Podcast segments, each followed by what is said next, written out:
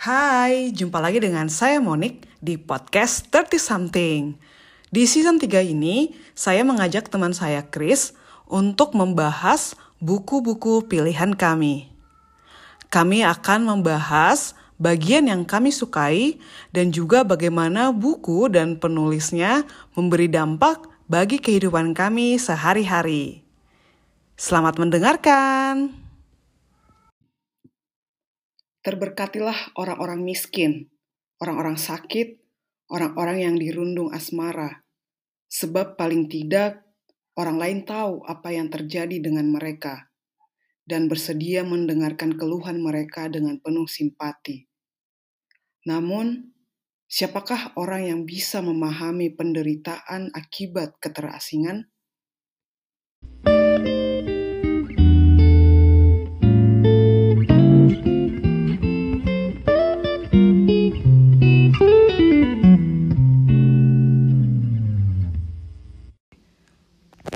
Oke, hari ini kita akan membahas buku uh, ber, apa apa Chris Burmese Days.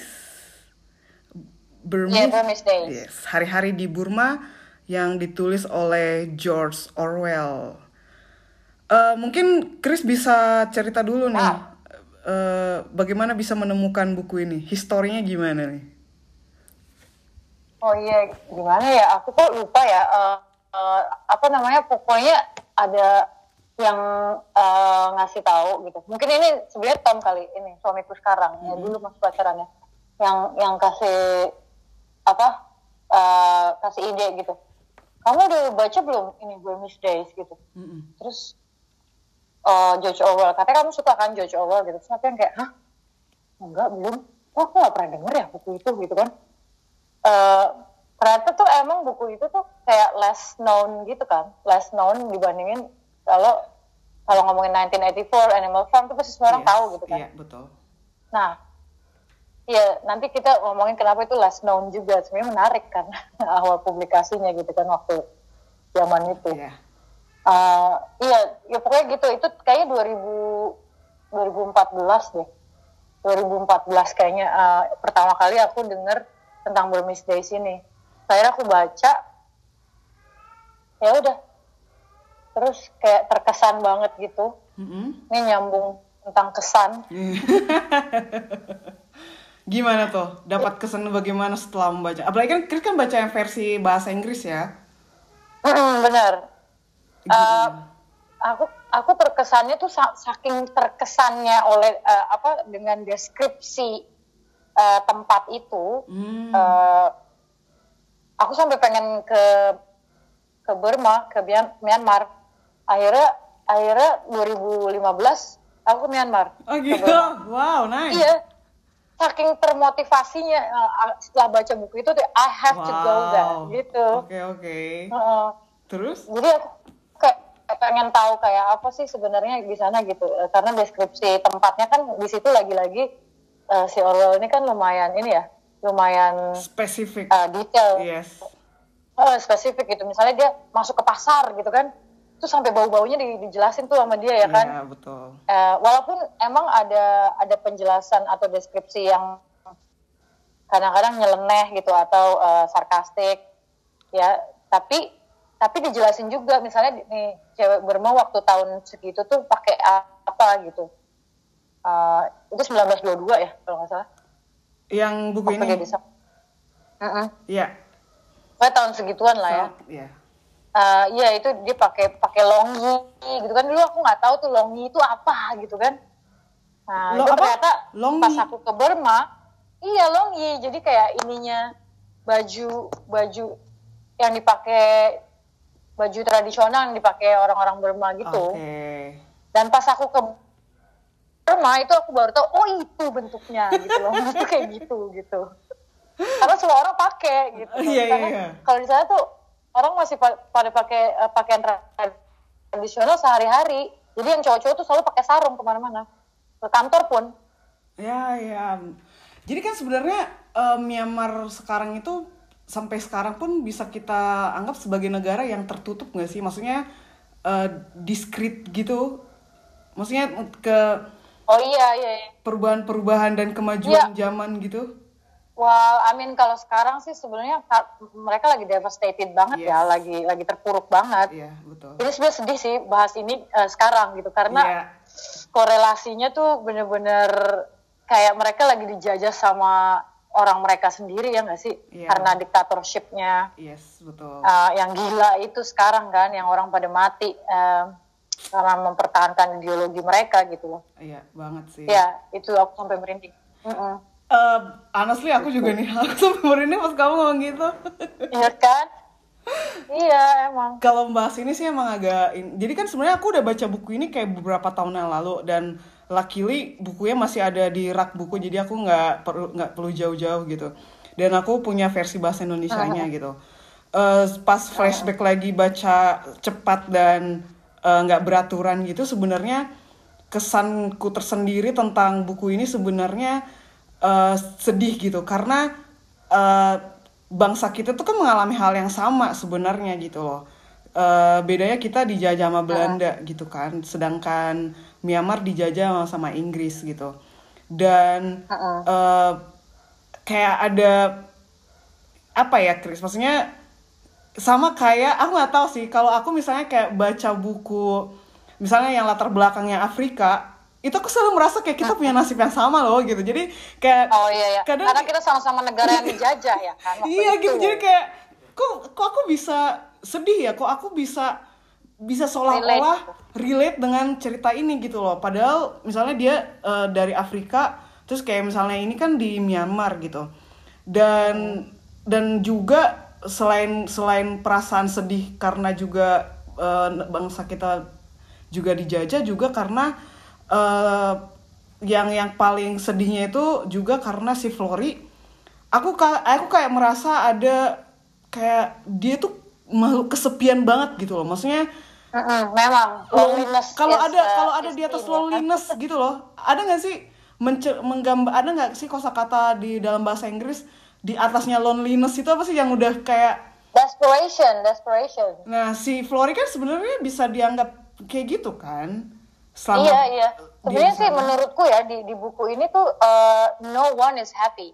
Yeah. Everyone's got a problem. This is like a des- like a very desperate book, like a book about desperate people. yes Jadi kalau kalau mau yang happy happy kayaknya mendingan jangan baca buku ini kalau yang mau yang semuanya happy gitu kan. Tapi Mungkin juga baca buku Disney tapi aja, juga ya kan? iya. tapi in- em, aku jadi teringat juga sih karya-karyanya Orwell yang udah aku baca eh, memang gak ada yang happy sih Eh, mostly desperate terus eh, at some point juga sebenarnya eh, mem- bisa membangkitkan semacam refleksi diri tapi juga in a way hal itu didapatkan even itu nanti enlightenment didapatkan dengan desperation gitu loh lu kayak mesti Iya, menderita iya, iya. dulu dan lu mesti depresi or even thinking about Iya. suicide gitu loh Iya, iya, iya. Tapi aku ngerti sih, eh, aku aku ngerti kenapa dia eh, tulisan-tulisannya begitu gitu. Karena kan si Orwell ini kan hidupnya bener-bener penuh dengan devastation gitu kan Yes, dulu kayak betul. makanya dia waktu dia nulis um, uh, Down and Out um, In in, in Paris, and London ya. ya. Uh, pernah pernah baca nggak itu kan non fiction ya? Eh, lagi OTW Sebenarnya ke rumah baru pesan. ya itu itu tuh kayak pengalaman dia tentang jadi tramp jadi jadi kayak gelandangan gitu di di dua kota itu di, eh, di di London dia jadi gelandangan dan di, di di Paris dia jadi kayak kitchen staff gitu loh jadi bener-bener Pokoknya hidupnya dia tuh lumayan lumayan banyak inilah pengalaman hidup yang buruk gitu. Eh, Waktu dia ke Myanmar juga kan dia merasakan desperation yang sangat ini ya. Maksudnya kayak it must have been really ini devastating gitu ngelihat orang-orang di treat buruk kan. Yes. Dan misalnya kan di di hari-hari di Burma ini tokoh utamanya si Flori gitu dan dia juga digambarkan kan dia eh, pria Inggris gitu dengan tipikal physically juga eh, apa pria Inggris gitu. Kalau di bukunya kan ditulis di sini berusia 35 tahun, tingginya sedang, tidak buruk untuk ukuran Iya. orang Inggris gitu. Mungkin Chris punya gambaran yang lebih nyata tentang tidak buruk untuk ukuran orang Inggris gitu kan. Secara punya Kalau menurutku sih, kalau menurutku tuh eh, dia tuh eh, digambarkan di situ tuh kayak semacam failure gitu loh. Karena kan eh, nggak tahu ya, aku ngeliatnya kayak self deprecating gitu. Jadi kalau orang jadi kayaknya Orwell tuh nulisnya eh, menggambarkan dia sebagai simbolisme kegagalan gitu kayak gitu jadi makanya dia mukanya digambarin ada ada ada apa sih kayak tanda birthmark lahir. gitu loh yang tanda lahir gitu yang yang kayaknya bikin dia jelek banget gitu yes. kan uh-uh. yang kayak gitu Dan itu padahal kan sebenarnya tanda lahir bisa aja di, di- di- disimbolkan sebagai eh, keunikan misalnya kan atau Yes. sesuatu yang eh, bikin orang jadi ngerasa oh ini orang unik nih ada tanda lahirnya nggak kayak gitu kan kalau di Iya. sini tuh kayaknya di- disimbolkan sebagai sesuatu yang jelek. menjijikan gitu Yes. iya jelek banget gitu Dia kan sendiri aja malu gitu loh. iya kalau aku sih ngeliatnya itu kayak dia mau si Orwell ini kayaknya mau mem- membuat ini sebagai simbolisme kegagalan ya maksudnya eh, orang Inggris lah yang yang travel ke sana maksudnya nggak nggak cuma Flory gitu kan itu karakterisasi banyak orang pada saat itu gitu Yes, yes, yes, yes, betul. Eh, aku aku tadi ini kok eh, apa namanya menggarisbawahi yang kamu bilang terkait eh, apa simbol si Flor ini simbol orang gagal ya, kegagalan ya. Iya, Secara- failure ya. Secara physically. Tapi kalau cara berpikir sih enggak ya. Tapi juga tapi juga aku berpikir Chris seperti tadi yang udah kita bahas, dia kan orang Inggris di Burma. Dia misalnya bisa dibilang sejahtera ya. Eh, seperti pada umumnya misalnya dulu eh, pas penjajah ada di Indonesia gitu kayak Belanda. Tapi kenapa? Tapi yang menarik adalah dia justru mengkritisi, eh, mendespise kebijakan eh, Inggris eh, ke rakyat-rakyat eh, ke rakyat di Myanmar gitu. loh. Menurutmu apa sih yang coba diceritakan atau disampaikan Orwell dari eh, cara berpikirnya si Flory ini? Kalau menurutku ya, ah, kalau menurutku tuh eh, gini loh. Sebenarnya nggak menurutku doang. Kayaknya kalau baca review-reviewnya dia ya, eh, eh, apa review-reviewnya Burmese Days itu, aku sependapat ada banyak eh, yang aku merasa oh, waktu aku baca ini iya nih ini aku pikirin nih gitu.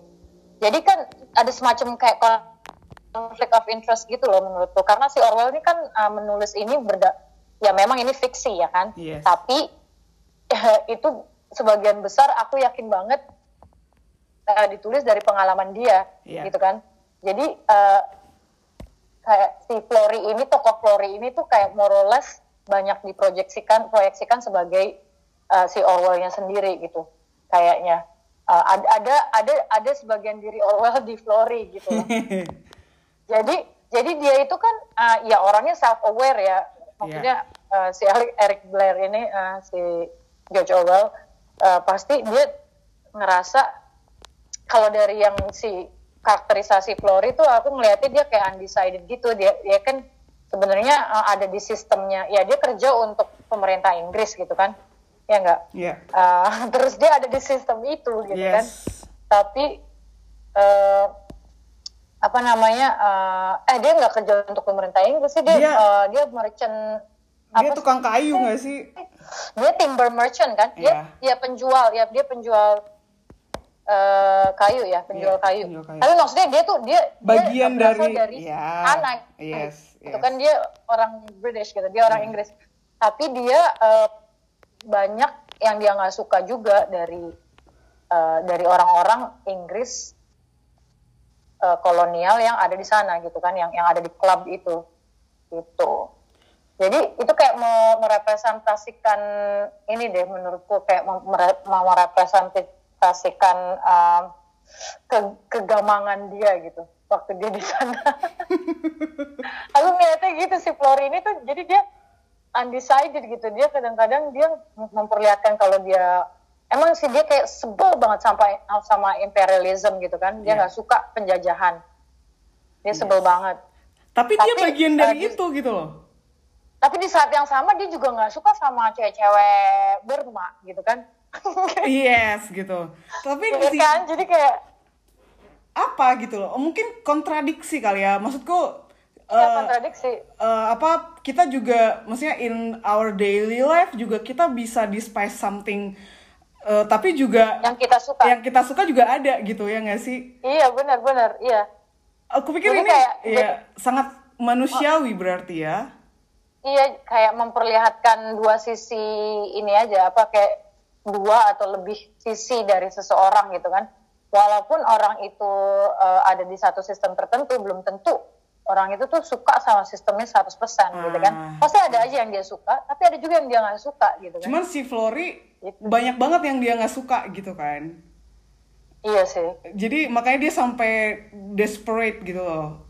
Tapi juga nggak bisa ngelakuin apa pun untuk because like dia cuma satu orang dan dia nggak bisa kalau misalnya ibaratnya sekarang itu dia nggak bisa merubah sistem juga kan. Dia hanya kayak ikan koi gitu satu ekor ikan koi di antara iya piranha piranha Iya.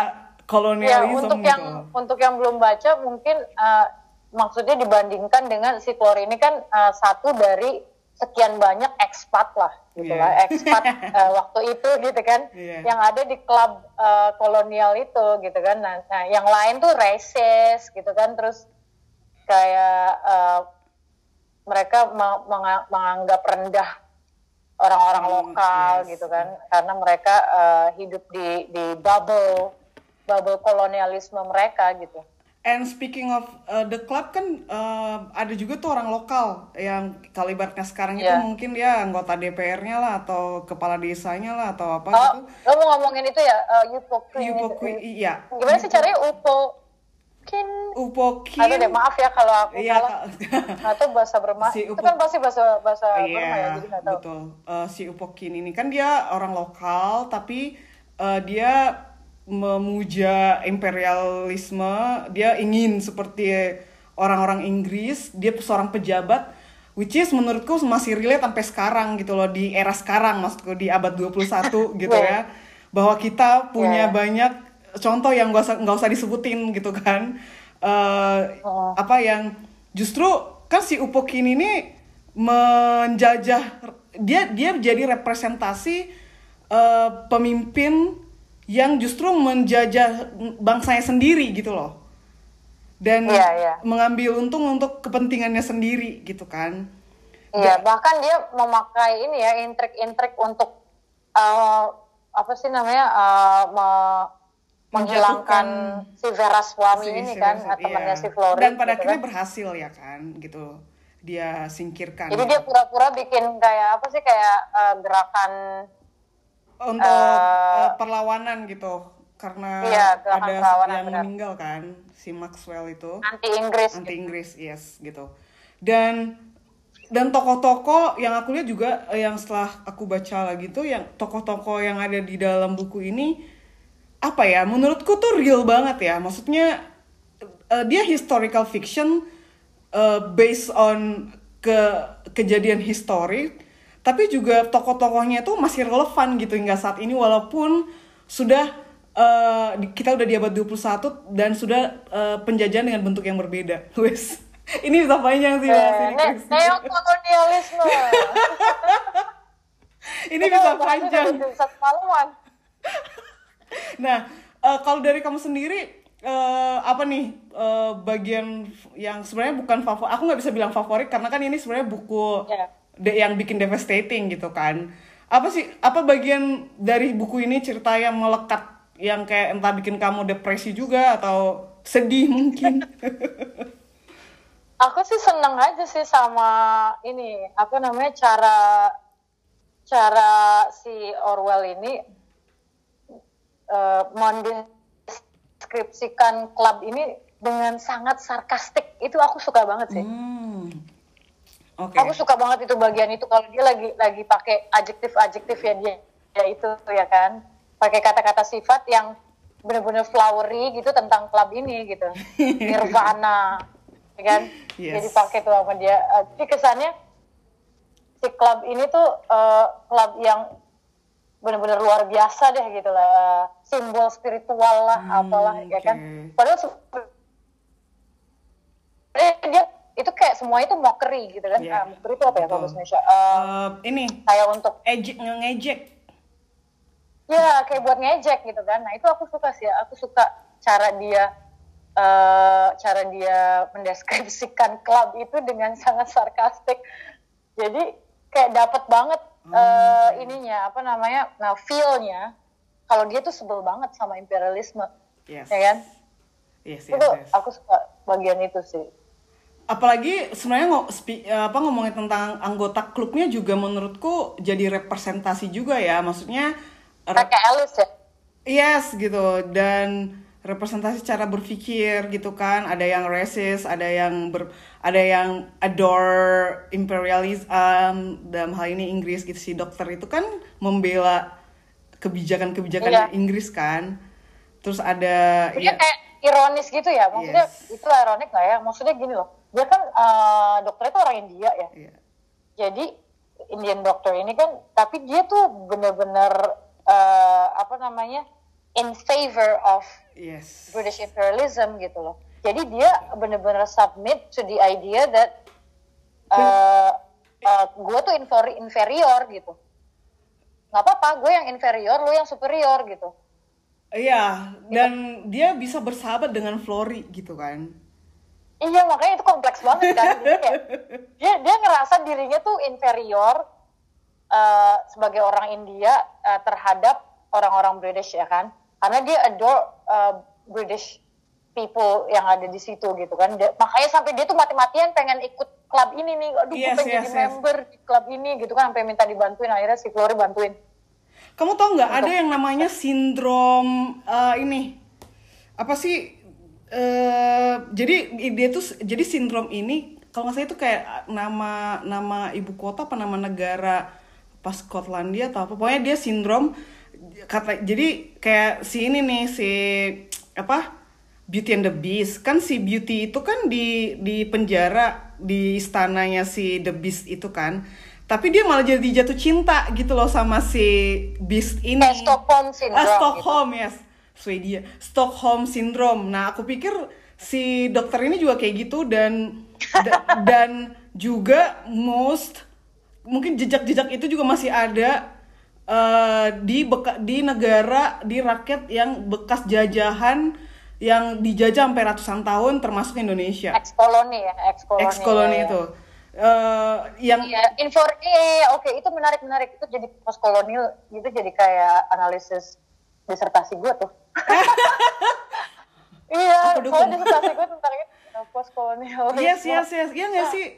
Jadi dan itu jadi kayak info maksud kamu ini kan kayak uh, salah satu impact yes dari uh, negara-negara yang udah dijajah tuh biasanya ada semacam kayak mentalitas uh, yang ngerasa inferior gitu terhadap bangsa-bangsa lain. Yes. Padahal belum tentu uh, ya case by case basis lah ya kan. Hmm. Kita inferior dalam hal apa gitu kan.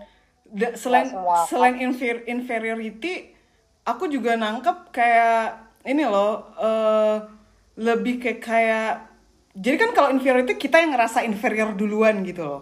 Tapi ada juga kalau si dokter ini yang aku tangkap atau mostly yang aku rasain itu kita malah jadi in favor gitu loh. Kita malah jadi meng- mengidolakan meninggikan bahwa misalnya orang kulit putih itu di atas kita gitu loh jadi Iya, tapi itu kan tapi kan dasarnya dari itu kan. Menurutku itu itu itu kayak relate, itu related to the inferiority itu gitu. yes yes yes because we feel inferior and then we we think that jadi kita ngerasa eh, apa orang-orang lain yang berkulit ABC itu lebih superior dari kita makanya kita harus belajar dari mereka gitu kan kita harus ya nggak kita harus belajar dari mereka. Setiap saat kita harus menjunjung tinggi mereka. Setiap saat gitu kan? Shit man gitu. kan? Yes yes itu menarik banget sih apalagi kalau membahas tentang post kolonial maksudnya kayak jejak-jejak yang ditinggalkan di oh iya. bekas-bekas oh jajah iya. Gitu ya. oh iya. Dan itu juga ya sebenarnya eh, salah satu eh, siapa yang ngomong ya, pokoknya salah satu anggota klub itu juga yang pokoknya dia lumayan agak agak agak manusiawi sih. Eh, dia yang menganggap bahwa eh, apa namanya penjajah, pokoknya dia sampai bilang eh, penjajahan itu sebenarnya udah harus kita selesaikan gitu. Maksudnya kita sebenarnya udah udah nggak bisa kita harus menghentikan penjajahan ini. Biarkan Burma uh, bangkit dengan cara mereka sendiri. Terus kayak si Ailis atau siapa gitu bilang enggak mereka nggak akan bangkit. Mereka akan selamanya terpuruk atau bahkan lebih hancur gitu dan dia kan racist yes gitu. gitu. Nah itu kan speaking of uh, penjajahannya kayak gitu ya gitu. Maksudnya aku nggak tahu sih. Di buku ini juga dijelasin bahwa kayak si pendapat si dokter itu juga kan uh, kalian juga ngenalin kami dengan teknik ini kalian ngenalin kami dengan bikin mesin ini kalian ngenalin kami dengan modernisme dan lain-lain gitu. Terus yang si Flory yang kemudian membantah ya itu cuma sedikit aja yang kami kasih. Justru lebih banyak yang kami ambil dari kalian gitu. Which is true ya gitu kalau ngomong speaking of uh, penjajahan seperti itu. Nah menurut kamu sendiri gimana sih penjajah kamu ngelihat bentuk penjajahan di dalam buku ini itu do you think ada good side or bad side dari penjajahan Um, aku sih ngelihatnya di buku ini kayaknya semuanya uh, negatif ya tentang tentang penjajahan. Kayaknya dia mem, they portray apa si Orwell ini kayaknya me, menggambarkan uh, penjajahan itu uh, dengan sangat sinis ya kan mm -hmm. dan dan dia kayak memperlihatkan apa yang uh, menjadi dampak itu bahkan terhadap orang-orang yang menjajah sekalipun gitu kan. Iya. Yeah. Jadi secara psikologis kan orang-orang yang menjajah uh, ini kan dia ceritain banyak tuh tentang klub itu gitu kan. Yeah. Tapi tuh orang-orangnya kan nggak ada yang benar gitu loh. Orang-orangnya tuh yang kayak secara psychologically mereka tuh messed up gitu loh. Yes. Ya enggak? Yes, yes. Uh, yes. Jadi kayak impactnya tuh nggak cuma jadi uh, menurutku ya itu dia kayak berusaha memperlihatkan semua sisi uh, nggak cuma orang-orang yang ada di sana yang di yang yang dijadikan bulan-bulanan terus udah gitu apa sih dijadikan kayak sapi perah gitu kan yes. udah gitu di diolok-olok lagi ya kan mm -mm. tapi orang-orang di sananya pun di, di orang-orang dari Inggrisnya sendiri pun yang tinggal di negara yang dijajah itu di, kayaknya diperlihatkan dengan sangat buruk gitu loh iya sama dia, termasuk ya. si Florinya kan walaupun dia iya. bukan bagian langsung yang uh, administratornya atau yang yang jadi tentaranya gitu mm -hmm. atau jadi general. Iya justru jadi dia tuh kayak mau memperlihatkan kalau everyone's unhappy, you know, like if if you do this. Yes. Kalau kalau lo ngejajah negara lain dan lo kayak menduduki negara itu dan di situ lo kayak kesannya kayak uh, lo senang-senang gitu kan di di klub ini. Yeah. Terus uh, semuanya uh, apa sih kayak glitzy gitu kan um, luxurious apalah tapi sebenarnya empty inside you're empty you know that gitu yeah. kan? Dan spoiler alert ya uh, saking empty-nya saking devastatingnya saking depresnya uh, kemudian lead to uh, keputusannya si Flory in the end gitu. Iya iya benar-benar iya. Dan itu juga uh, sebenarnya sampai sampai aku google tuh tentang keadaan saat itu gitu. Uh, itu aku nggak bisa kebayang sih berada di zaman itu. Iya jadi itu ternyata tinggi banget tinggi banget tendensi untuk tuh gitu. Yes yes yes. Okay. pada zaman itu disebabkan oleh banyaknya ya devastation dan ya, orang mati lah ya kenapa? Iya, uh, terus ada masaker gitu kan? Apa ya masaker ya? Uh, pembunuhan massal. pembunuhan besar. Iya pembunuhan massal gitu kan?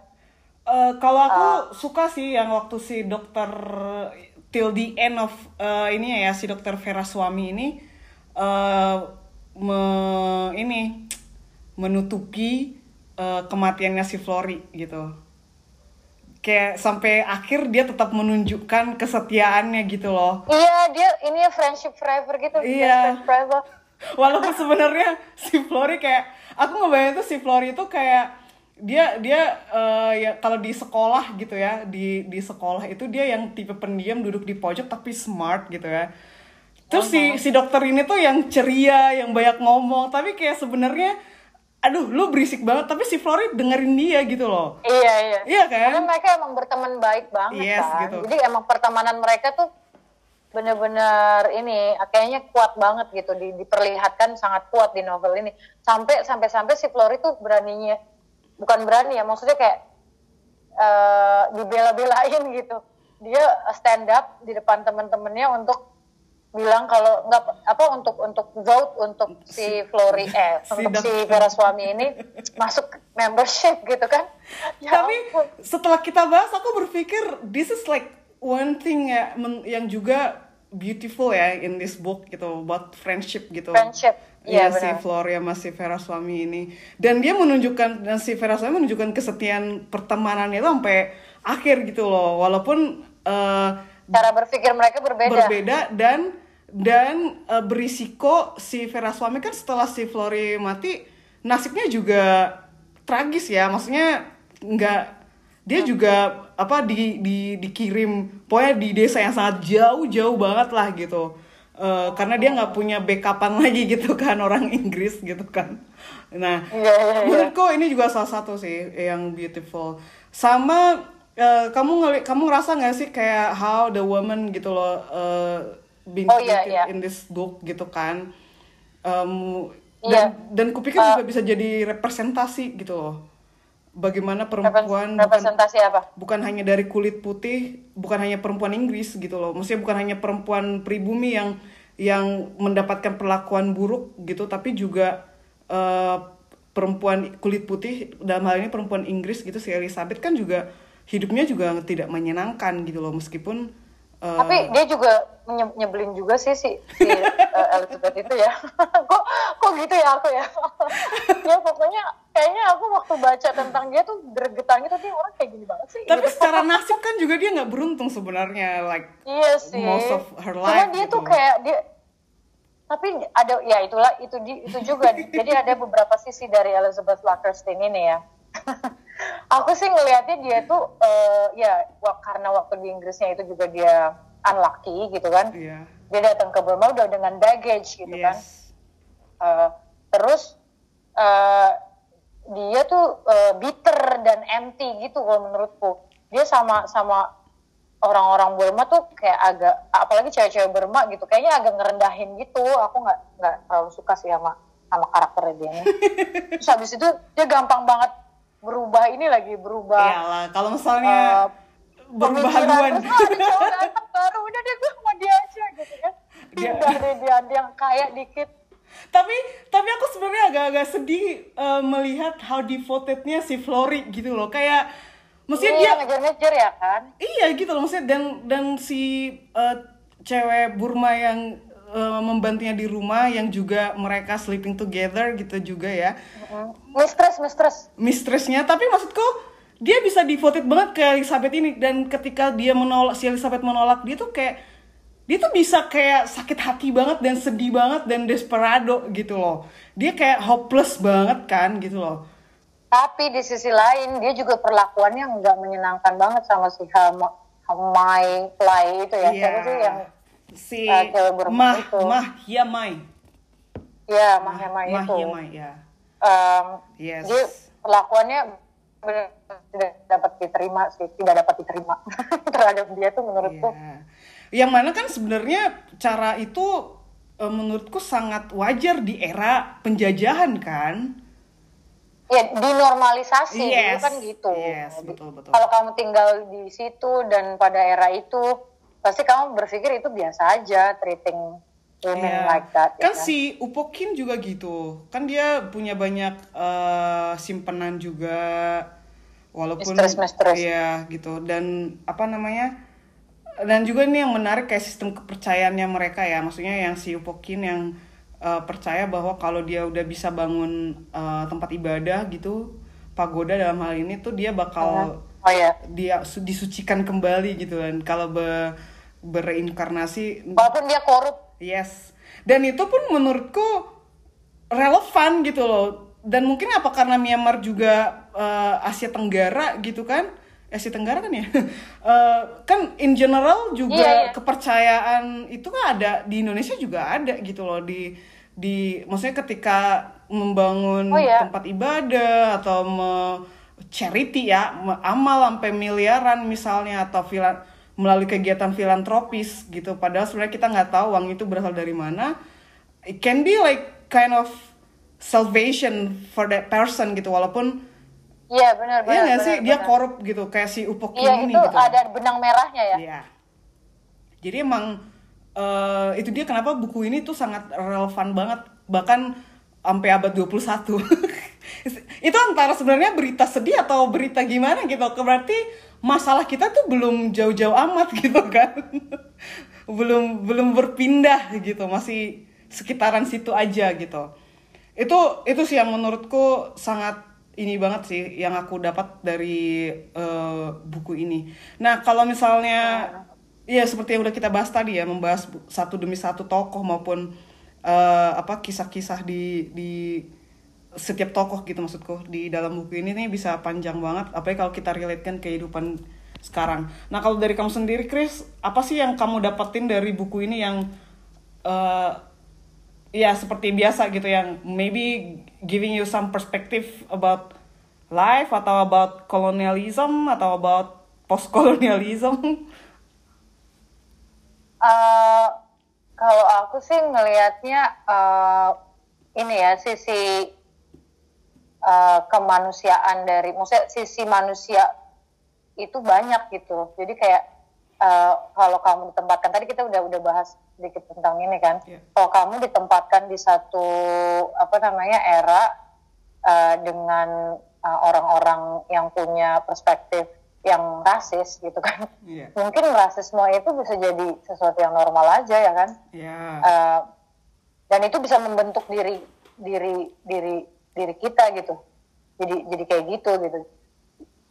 Apa namanya? Jadi kayak ya menurutku sih eh, baca buku ini tuh jadi kayak mengingatkan aku eh, tentang ini loh eh, betapa buruknya imperialisme dan kolonialisme gitu. Jadi maksudnya jangan lagi deh ada kalau bisa nggak usah diulang gitu. Karena eh, it's really ugly ya gitu aku mikirnya Ya. nggak cuma eh, dari devastation yang ada eh, yang bisa kelihatan tapi juga dari pola pikir orang gitu loh.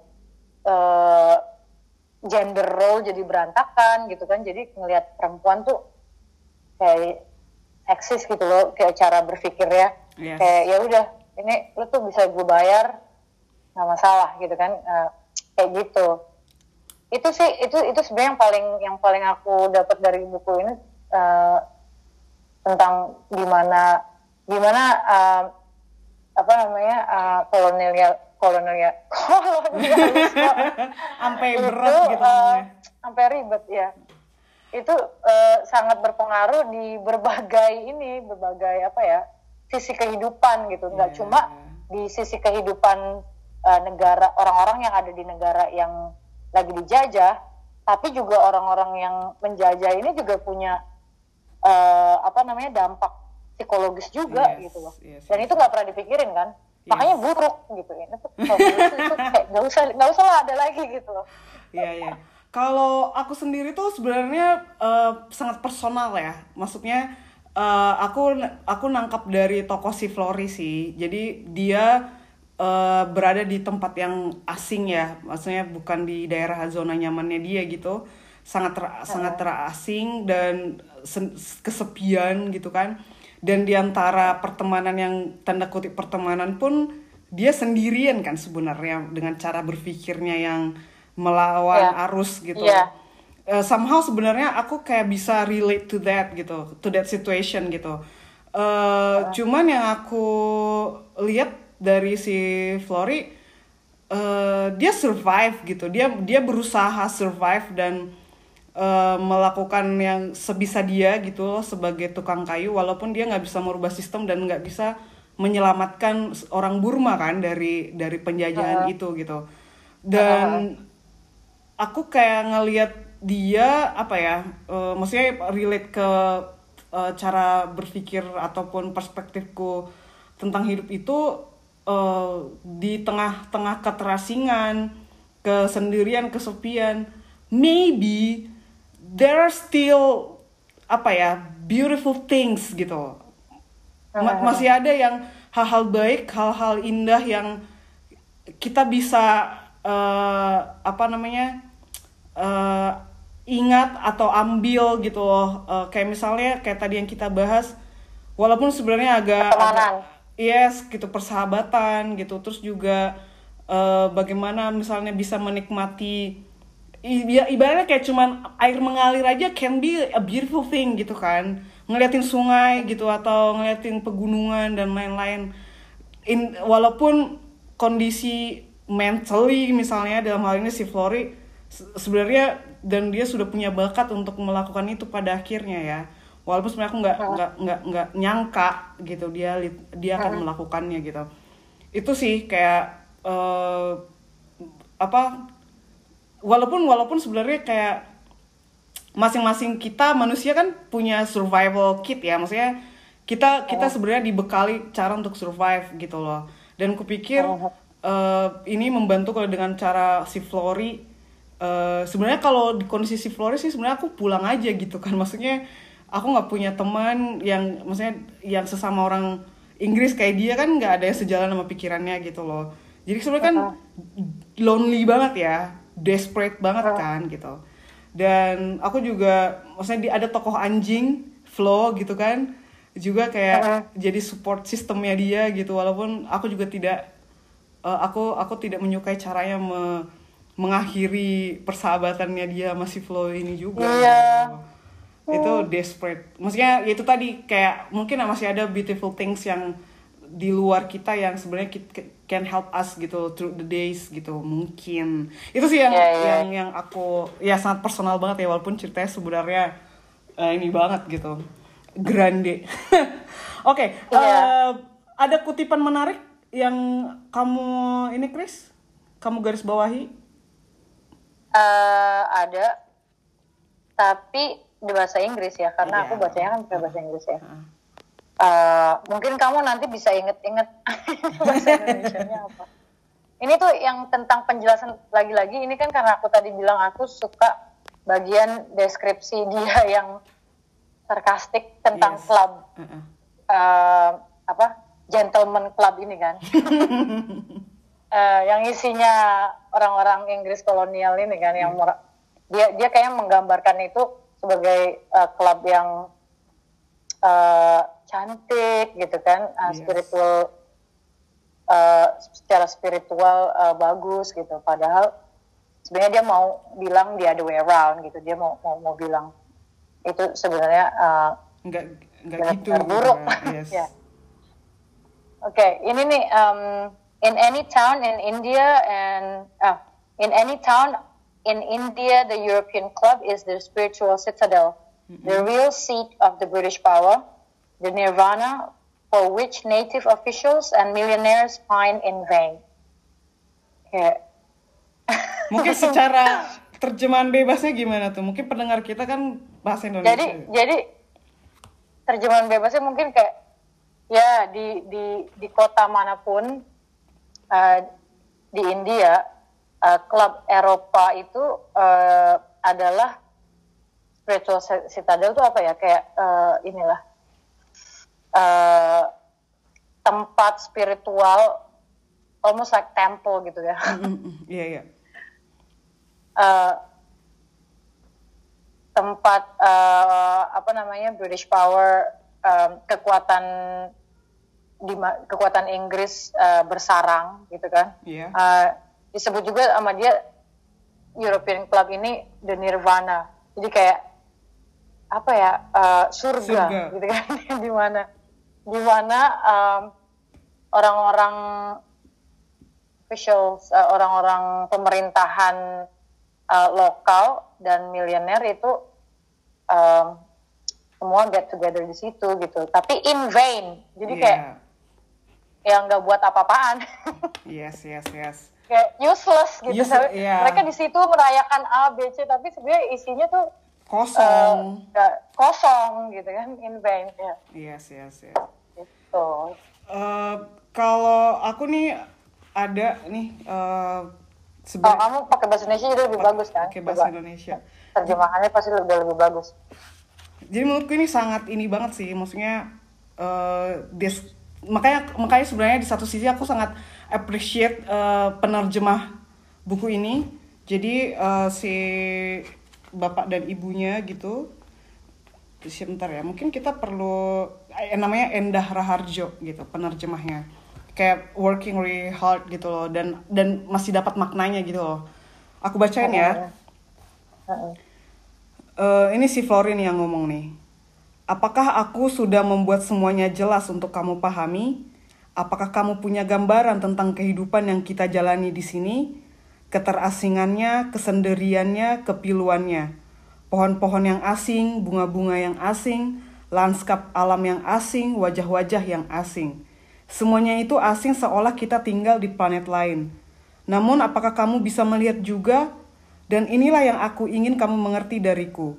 Apakah kamu bisa melihat mungkin tidak terlalu buruk hidup di planet lain? Bahkan mungkin ini menjadi hal yang paling menarik yang bisa dibayangkan. Bahkan meskipun kamu hanya untuk satu orang untuk diajak berbagi satu orang yang bisa melihat sesuatu dengan mata seperti matamu sendiri. Negeri ini sudah menjadi semacam neraka terpencil bagiku, juga bagi sebagian besar kita. Namun aku bisa mengatakan kepadamu, ini bisa menjadi surga jika orang tidak sendirian. Apakah kamu, apakah semua ini benar-benar tidak bermakna? Ini si Flori lagi ngomong sama Elizabeth. Oh. Dan di sini kayak aku bisa ngerasa kesendiriannya si Flory sih gitu. Dan dia emang desperate banget mau dapet uh, uh, apa cewek Inggris juga ya kan? Tapi sebenarnya aku nggak suka cewek-cewek di situ. Nah cuman kayak aku merasa uh, kok bisa si Flory menganggap Elizabeth itu kayak bisa mengisi kekosongan hatinya gitu loh.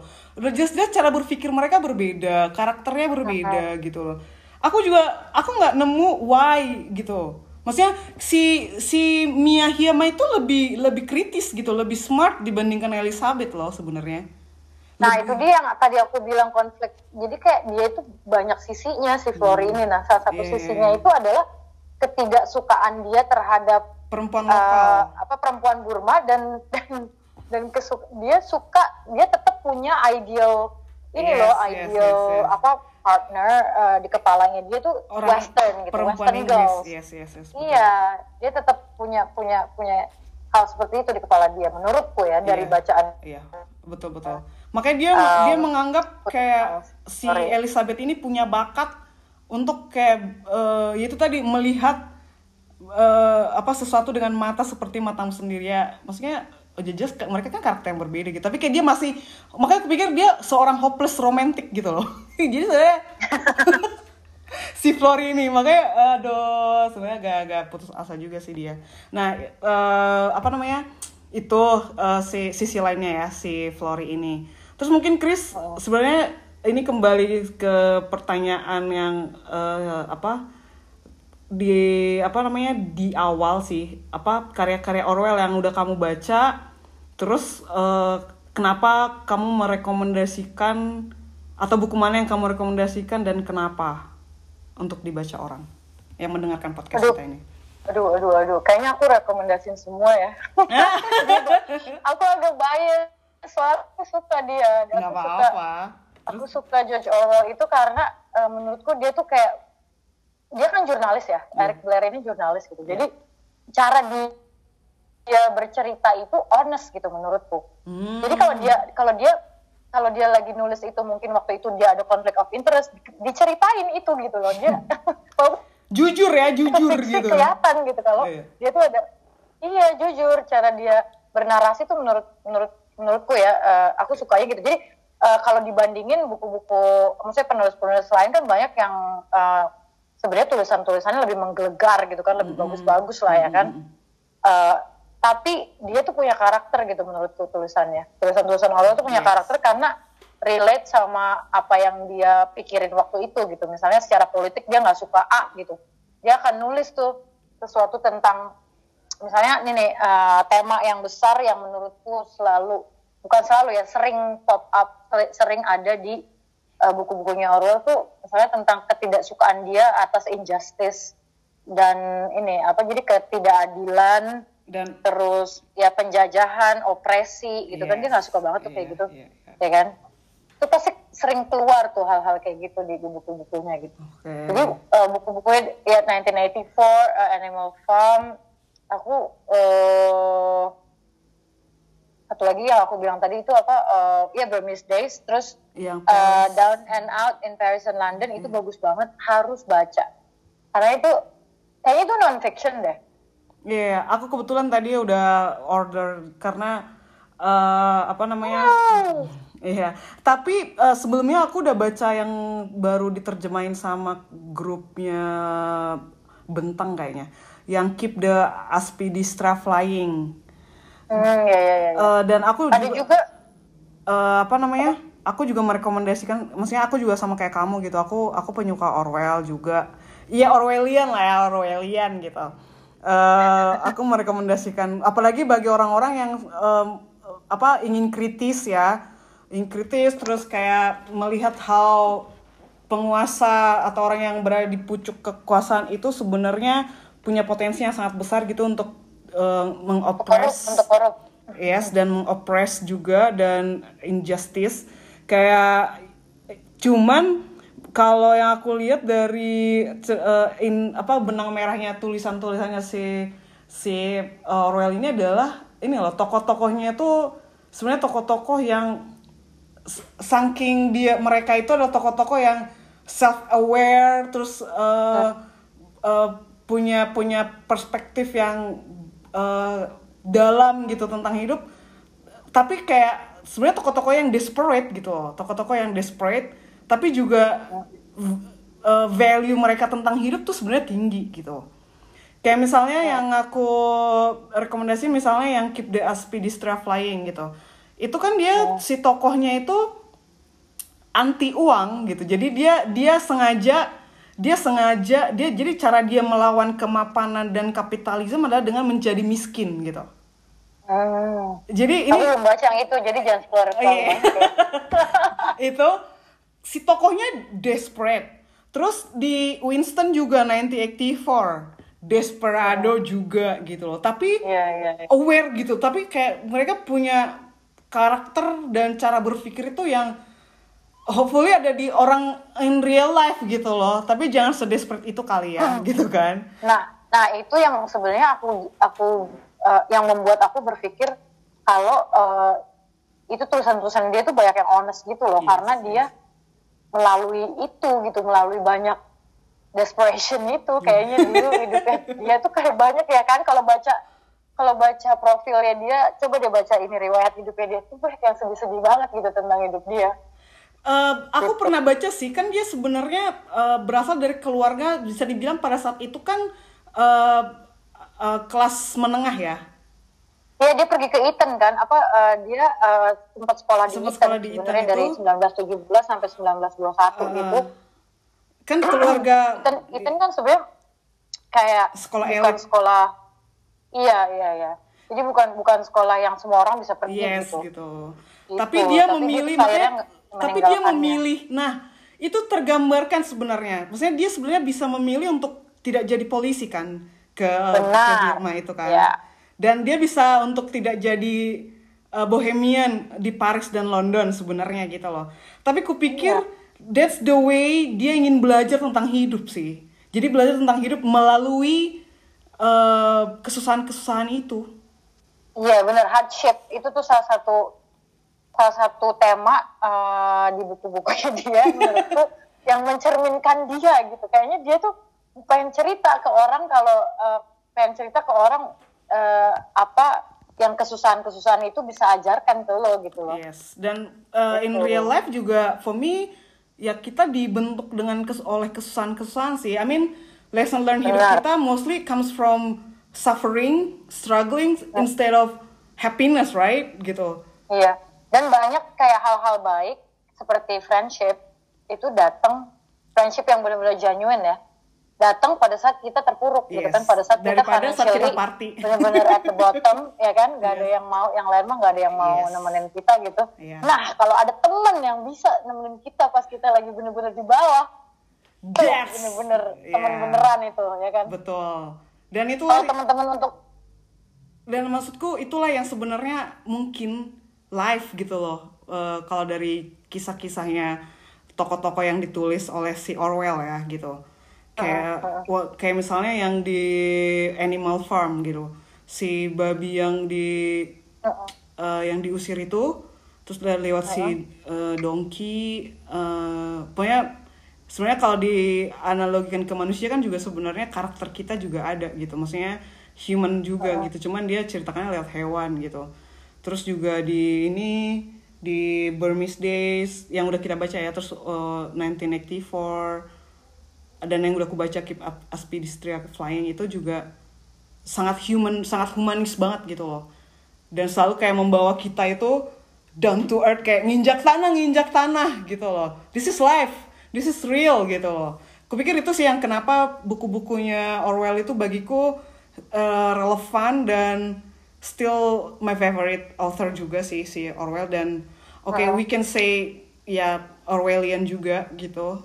Jadi sama aku juga merekomendasikan buku-bukunya Orwell itu bagi orang-orang yang uh, bisa um, ingin melihat aspek lain dari kehidupan politik, aspek lain dari uh. kehidupan uh, negara bernegara menjadi warga negara, uh, how to uh, melihat orang-orang yang apa bagaimana kekuasaan bekerja, bagaimana pemerintahan itu bekerja gitu loh.